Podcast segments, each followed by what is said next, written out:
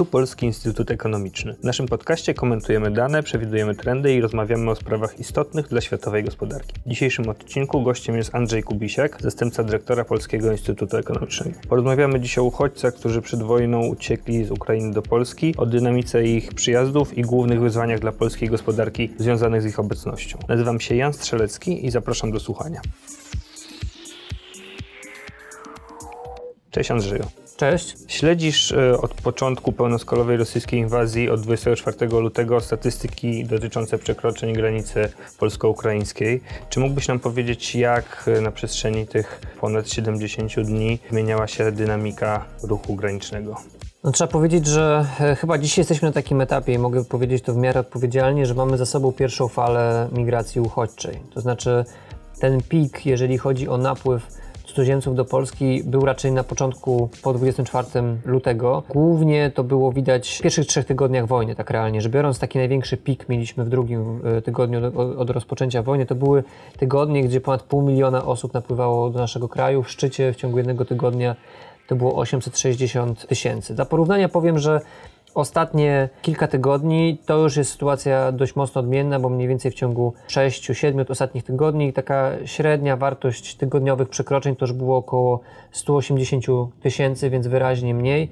W tym samym czasie, tych ostatnich 7-8 tygodniach, już obserwujemy też rosnący udział osób, które wyjeżdżają z Polski na terytorium Ukrainy. To nie znaczy, że cała skala, jeżeli chodzi o odpływy z Polski, to są tylko i wyłącznie uchodźcy, którzy wracają do swojego kraju, bo pamiętajmy, że w tych danych dotyczących przekroczeń granicy mamy wszystkie narodowości, zarówno Ukraińców, jak i Polaków, jak i obywateli krajów trzecich, którzy, nie wiem, zastała ich wojna w Ukrainie, czy po prostu też przekraczają te granice z różnych e, innych powodów. Gdy to spróbujemy sobie tak skumulować, tak żeby nasi słuchacze też mniej więcej wiedzieli, jak to wygląda w liczbach, to stan na 10 maja 2022 roku wyglądał tak, że od początku konfliktu e, wojennego rozpoczętego 24 lutego do Polski przekroczeń granicy było prawie 3 miliony 300 w drugą stronę, w stronę Ukrainy, to jest milion 160 tysięcy, jeżeli chodzi o przekroczenia w stronę Ukrainy. Więc saldo mniej więcej utrzymuje się na poziomie 2 milionów 100 tysięcy. Mówię o saldzie migracyjnym, kiedy mówimy o liczbie przekroczeń naszego kraju, która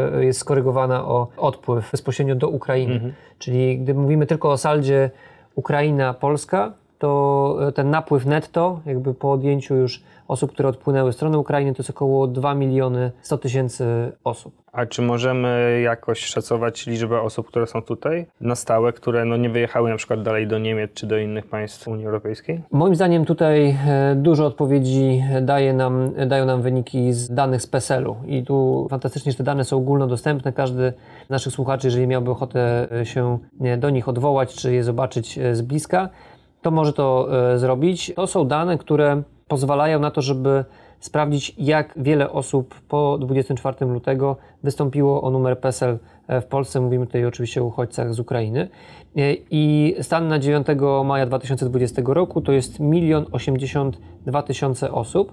I warto powiedzieć, że mniej więcej od 3-4 tygodni ta pula osób wnioskujących bardzo powoli narasta. Wydaje się, że ta pula powoli się wysyca. To by sugerowało, że w Polsce mm, mniej więcej osób zainteresowanych numerem PESEL, ale to mm, zrobiłbym takie uproszczenie, że to są osoby, które mogą mieć w Polsce po prostu status pełnoprawnego uchodźcy, nie są tutaj tymczasowo czy na krótki termin. To będzie około 1 200 1 300 tysięcy mm, osób, więc wydaje się, że dzisiaj jesteśmy blisko tej granicy i to jest mniej więcej skala liczby uchodźców, którzy znajdują się w Polsce. Czyli przyjmując mniej więcej to saldo, o którym wcześniej mówiliśmy, czyli ponad 2 milionów, można założyć, że około 700 tysięcy, 800 tysięcy osób przepłynęło przez Polskę i popłynęło gdzieś dalej. Popłynęło do innych krajów Unii Europejskiej albo nawet jeszcze bardziej odległych zakątków. A jeśli chodzi o strukturę tej, tej migracji, no wiemy, że przyjeżdżały kobiety i dzieci przede wszystkim ze względu na ograniczenia, które wprowadziła strona ukraińska. Po prostu mężczyzn w wieku potencjalnie poborownie wypuszczano, ale czy coś jeszcze wiemy o, o strukturze tych osób, które uciekały przed wojną? Tak, znamy strukturę i wiekową, i płciową. To, o czym wspomniałeś, prawie połowa uchodźców, których y, mamy zarejestrowanych w systemie PESEL, to są dzieci, to są osoby nieletnie. To jest 47% ogółu wszystkich osób, które wjechały do Polski. Jednocześnie mamy również dane dotyczące tej dorosłej populacji i w ramach ogółu 45% stanowią kobiety,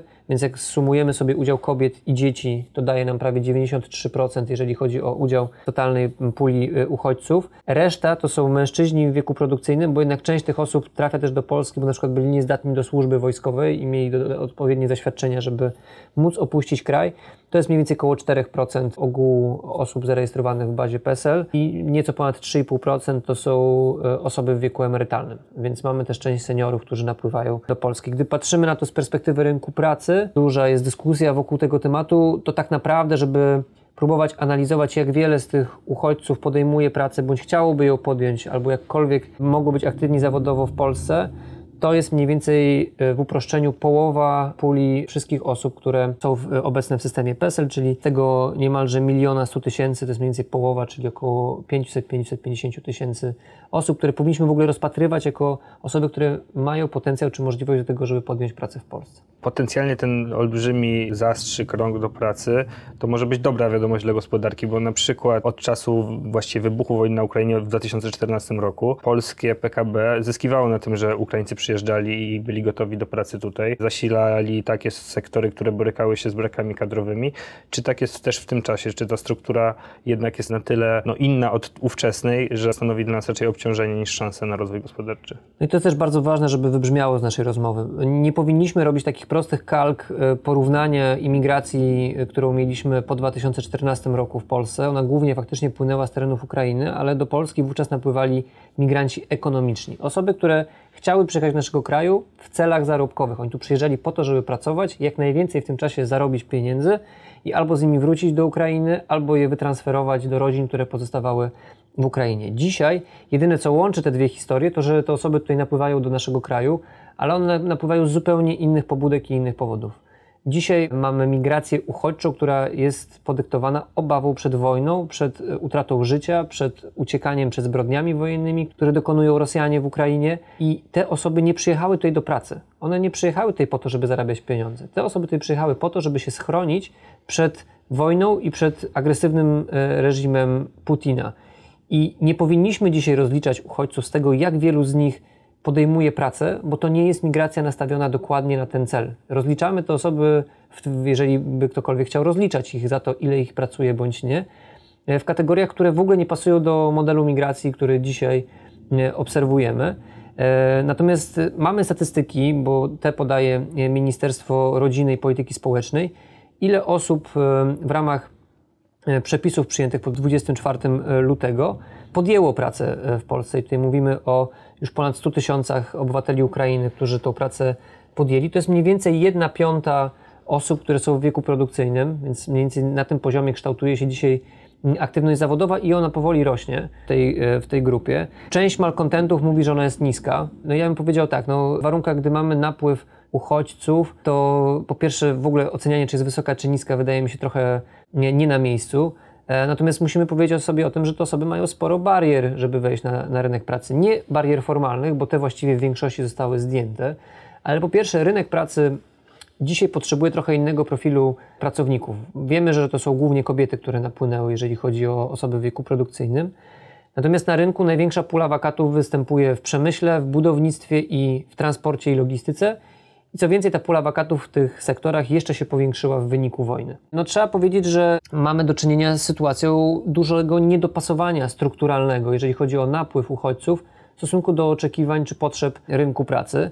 I to jest jedna z ważniejszych przyczyn ekonomicznych, czy mm, takich związanych z analizą rynku pracy, ale mamy też czysto społeczne elementy. Te osoby dużo słabiej często mówią po polsku. To jest inny profil migrantów, którzy napływają i często wcześniej nic wspólnego z Polską, nie mają tu korzeni, rodziny czy znajomych, którzy tutaj byli. Często y, mamy też do czynienia z osobami, które zetknęły się jednak z wojną, które, do, które dotknął front, które mogą mieć traumę wojenną, mogły pozostawić ojczyźnie swoich ojców, braci, mężów, osoby im bardzo bliskie i bez możliwości kontaktu z tymi osobami są to osoby rzucone w zupełnie nowy świat, zupełnie inne uwarunkowania i często dużymi też trudnościami, żeby móc podjąć w miarę porównywalną pracę, bo pierwsze badania, które gdzieś e, pojawiają się na rynku, wskazują na to, że są to osoby e, z reguły dość dobrze wykształcone, ale też trudno od nich oczekiwać, że nagle te osoby znajdą bez problemu pracę w tym samym obszarze, który wykonywały te osoby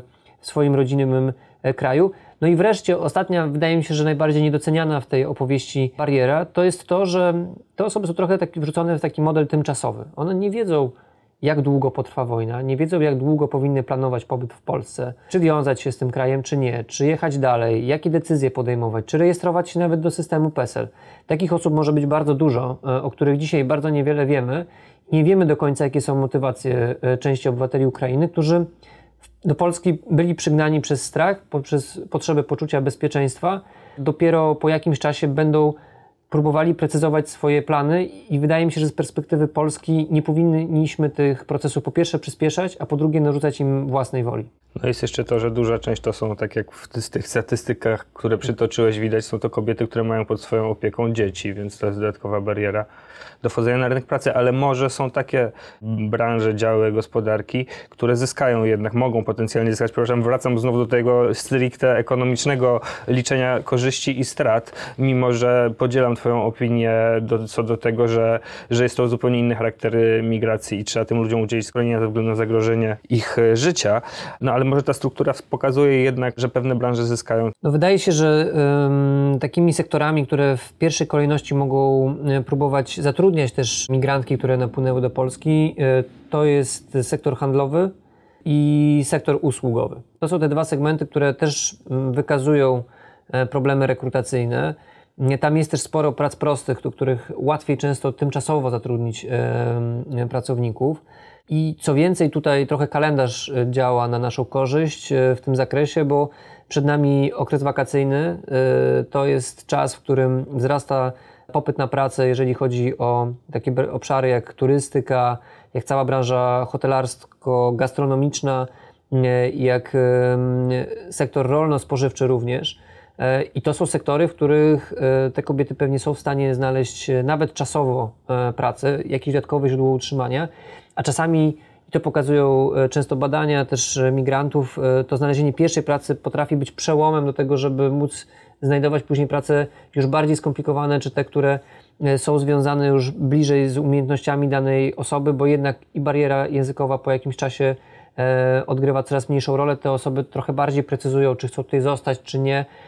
Więc ten okres wakacyjny potencjalnie może być kluczowy, jeżeli chodzi o zwiększanie aktywności zawodowej wśród mm, tych osób, które napłynęły e, do Polski. E, ja przygotowałem takie szacunki w ubiegłym tygodniu i jestem póki co dosyć spokojny co do e, tych szacunków.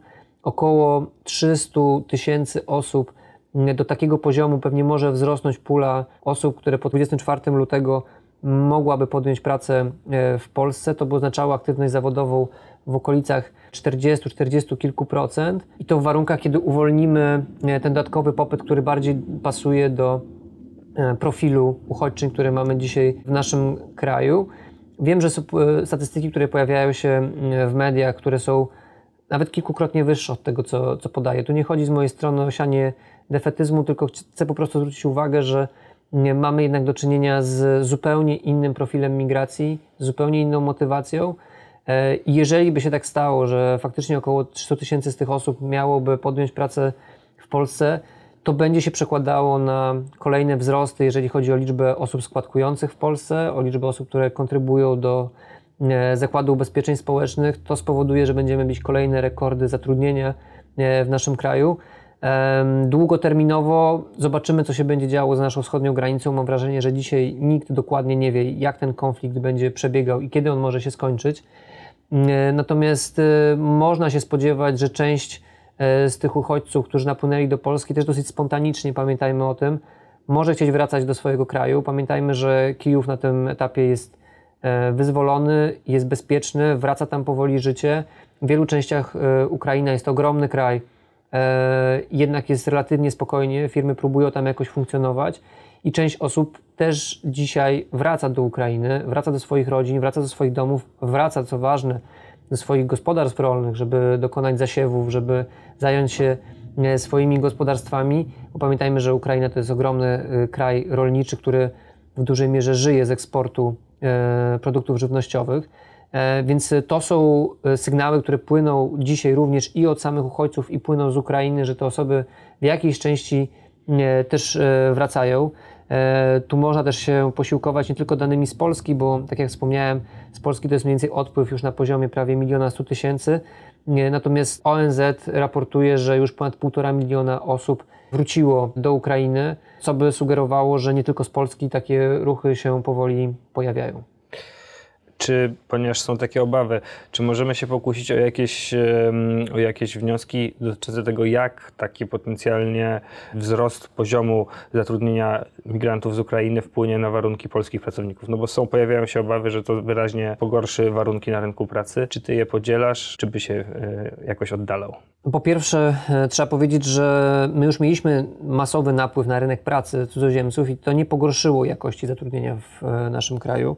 Druga rzecz, która jest bardzo ważna, e, no, nasz rynek pracy przed wybuchem tej e, najnowszej wojny no, był w bardzo dobrej kondycji. Tak? Mamy jeden z najniższych poziomów historycznie, jeżeli chodzi o stopę bezrobocia e, raportowaną przez zarówno Eurostat, jak i Ministerstwo Rodziny, Pracy i Polityki Społecznej, Główny Urząd Statystyczny. Więc tutaj, jeżeli chodzi o problem bezrobocia w Polsce, on występuje w bardzo niewielkiej skali. No, jeżeli mówimy o bezrobociu na poziomie 3% podawanym przez Eurostat, czy 5,3 podawanym przez najnowsze szacunki Ministerstwa e, Rodziny i Polityki Społecznej, no to trzeba sobie powiedzieć, że są to wskazania jedne z najniższych, z najniższych we współczesnej polskiej historii. Jednocześnie mamy informacje jeszcze z końca 2021 roku, że mamy niemal najwyższy poziom wakatów w polskiej gospodarce, a raportowane firmy przez Narodowy Bank Polski, prawie co druga firma mówi o trudnościach rekrutacyjnych, co też jest niemal rekordowymi wskazaniami. Rekordowe były na koniec 2021 roku, więc u progu tej wojny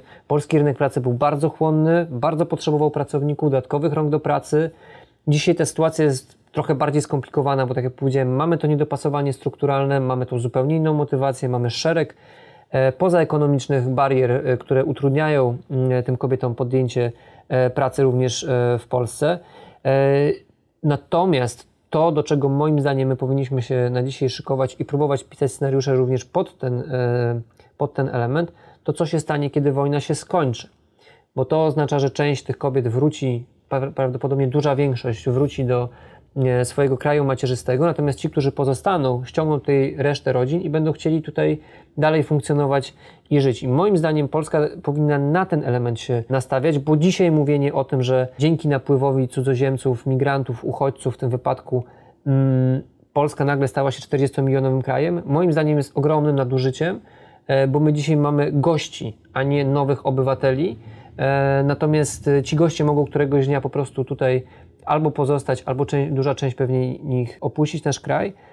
I dopiero wtedy powinniśmy zacząć się zastanawiać, jak długoterminowo te osoby też wdrożyć do e, polskiego społeczeństwa. Natomiast jeżeli chodzi o obawy, wracając do Twojego pytania, takie czysto płacowo-zarobkowe, jest e, szereg badań w literaturze ekonomicznej, które pokazują, że napływ migrantów nie musi negatywnie odbijać się na poziomach wynagrodzeń. Pamiętajmy, że dzisiaj te osoby wypełniają po prostu wakaty, które były nieobsadzone. Te wakaty nie były obsadzone przez Polaków. Polacy często nie chcą też podejmować części tych prac. E, I to powoduje, że mm, tych napięć tak e, bardzo nie widzimy i nie widzieliśmy też ich po 2014 roku. Ja mam takie przekonanie, że ta migracja, którą mieliśmy e, przez ostatnie 8 lat, miała taki charakter komplementarny, więc tam, gdzie pojawiały się luki, tam pojawiali się migranci. Te luki powstawały w wyniku też procesów demograficznych, tego, że coraz mniej mamy osób, które faktycznie e, chcą podejmować część zatrudnienia, ale też mamy po prostu fizycznie mniej osób na e, rynku pracy ze względu na czy emigrację, czy demografię, która też dotyka polskiego społeczeństwa. Bardzo dziękuję. Gościem tego podcastu PIE był Andrzej Kubisiak, zastępca dyrektora PIE i ekspert rynku pracy. Dziękuję serdecznie.